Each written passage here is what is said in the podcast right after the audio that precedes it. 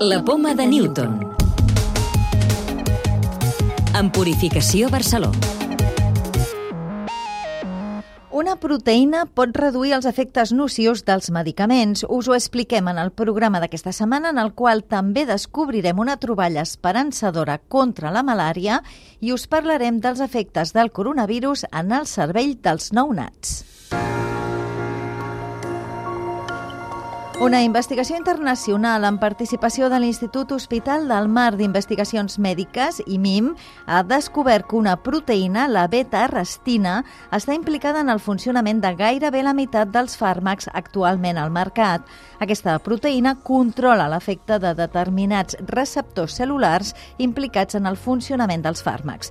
És a dir, bloquejant-la o potenciant-la podrien fer que els fàrmacs siguin més eficaços i amb menys efectes nocius. Ho explica Jana Salén, de l'IMIM, una de les responsables de l'estudi. Puede controlar y, por ejemplo, bloquear la señalización cuando ya hay demasiado estímulo y puede ayudar y translocar este receptor a otro localización y seguramente podemos aquí ya mejorar simplemente modulando la interactuación de arestina con el receptor. Si un medicamento tiene efectos adversos y si tú regulas la interacción con la arestina, puedes hacer los medicamentos más seguros y más eficaces. Ahora tenemos la posibilidad de mejorar los medicamentos actuales. Ahora ya sabemos dónde tenemos que buscar en esta interactuación con la arestina. L'IMEM és l'únic centre de l'Estat que ha participat en la recerca. La participació catalana ha consistit a aportar les eines necessàries per realitzar simulacions a escala atòmica de l'activitat de les proteïnes que s'han analitzat. Més coses. Un nou compost pot evitar la proliferació del paràsit de la malària fins i tot si és resistent als tractaments convencionals. L'han identificat investigadors de la Universitat de Melbourne que confien que en el futur ajudi a avançar cap a l'erradicació d'aquesta malaltia. El que fa és evitar que el paràsit proliferi. Quique Bassat és el director del programa de malària a l'Institut de Salut Global de Barcelona. Tot i que són dades preliminars i preclíniques, són molt esperançadores perquè encara que et piqui un mosquit i t'infecti amb el paràsit, si tu estàs ben protegit pel fàrmac no desenvoluparàs la malaltia, és la part preventiva, o bé curar-la, no?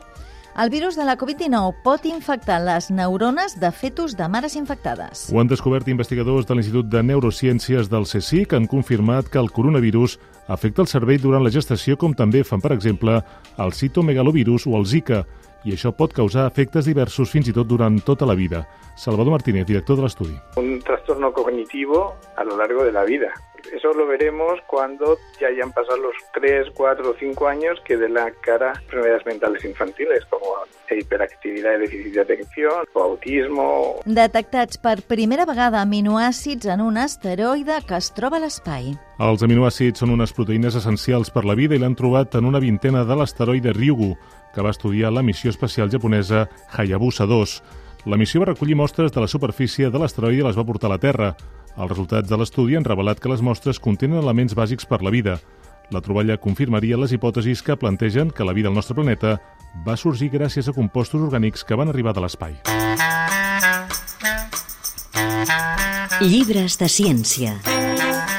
Avui us proposem el llibre Immunonutrición, un nou exemplar de la col·lecció Què sabemos de, editada pel CSIC. En l'obra, quatre científiques de l'Institut de Ciència i Tecnologia d'Aliments i Nutrició del CSIC expliquen com l'alimentació, l'estrès o l'exercici afecten el desenvolupament de les defenses del nostre organisme. En el llibre descobrirem la relació entre nutrició i infeccions, la importància de la microbiota intestinal per al nostre sistema immunitari o com l'exercici físic pot ajudar a mitigar l'estrès i també perquè les nostres defenses necessiten alguns nutrients específics, per exemple les proteïnes, que són la base per al desenvolupament dels anticossos. Es tracta, en definitiva, d'una obra que ens pot ajudar a ajustar l'alimentació a les nostres característiques fisiològiques, com ara l'edat, per intentar ajudar les nostres defenses a combatre tot tipus de malalties, des d'infeccioses fins a cardiovasculars. La clau de volta.